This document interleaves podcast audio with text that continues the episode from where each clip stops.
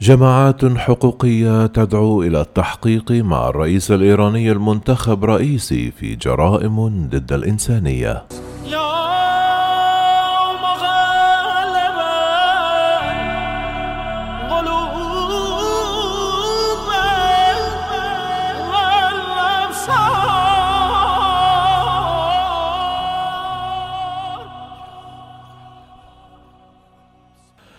قالت منظمة العفو الدولية وهيومان رايتس ووتش أن انتخاب إبراهيم رئيسي رئيسا جديدا لإيران.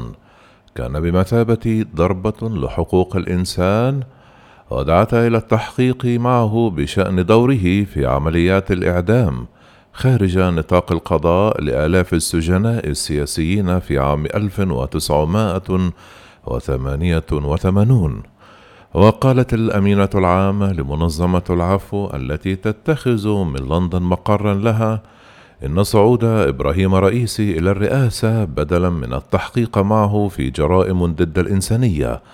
والاختفاء القسري والتعذيب هو تذكير قاتم بأن الإفلات من العقاب يسود في إيران مستشهدة بمجموعة من الإيرانيين أبلغوا عنه.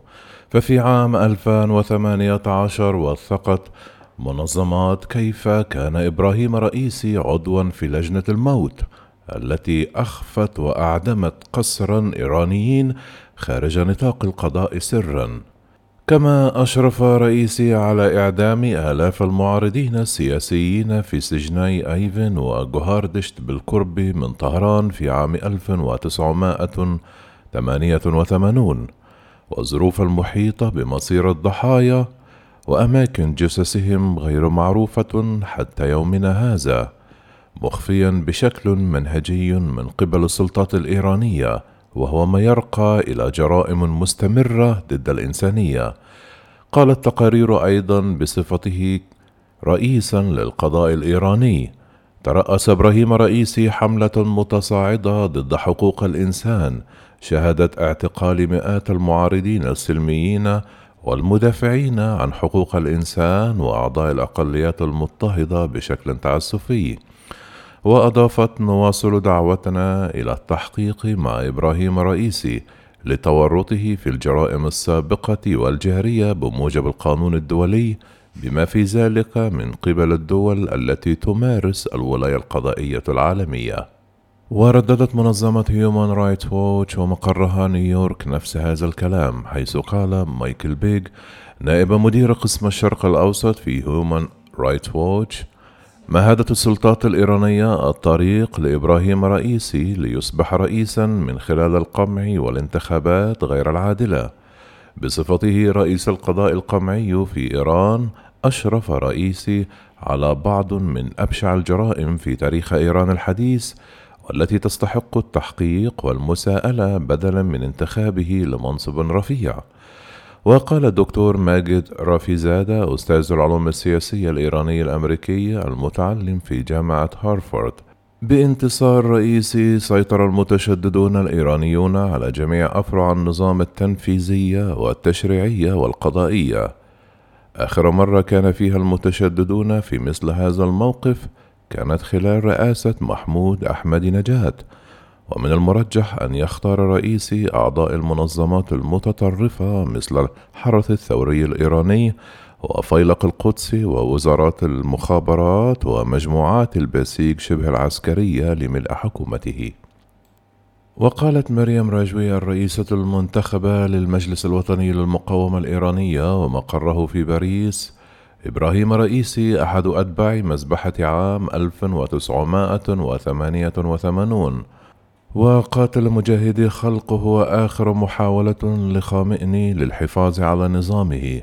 نظام ضعيف ومليء بالأزمات ومضطرب بسبب الانتفاضات التي تلوح في الأفق.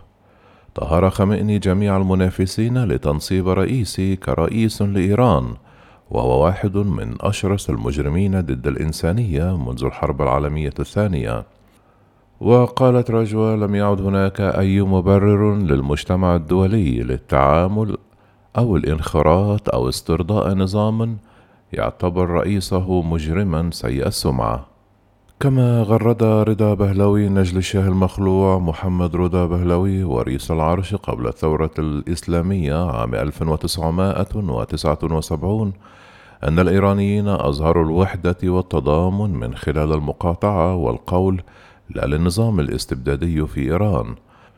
كما صرح هادي غيمي المدير التنفيذي لمركز حقوق الإنسان في إيران ومقره نيويورك قال لم يكن هناك انتخابا بل اختيارا ولا ينبغي تبرئة رئيسي من سجله الطويل في حقوق الإنسان الجسيمة للانتهاكات ووصفه بأنه منتهك رئيسي للحقوق وقال إنه بالإضافة إلى عمليات القتل في عام 1988 في غضون عامين كرئيس للقضاء العام كان مسؤولا عن انتهاكات جسيمة لا حصر لها لحقوق المواطنين الإيرانيين. مرتديا عمامة سوداء ومعطف رجل دين يصور رئيسي نفسه على أنه شخصية متشددة وتقية وبطل الفقراء في محاربة الفساد. ويتهم المنتقدون بأن الانتخابات كانت منحرفة لصالحه حيث تم استبعاد خصوم أقوياء. لكن بالنسبة لمؤيديه المخلصين فهو أفضل أمل لإيران في الوقوف في وجه الغرب والتخفيف من أزمة اقتصادية عميقة. رئيسي ليس مشهورا بالكاريزما العظيمة لكن بصفته رئيسا للسلطة القضائية فقاد حملة شعبية لمحاكمة المسؤولين الفاسدين ومن المقرر أن يتولى رئيسي المنصب من حسن روحاني المعتدل في أغسطس آب القادم.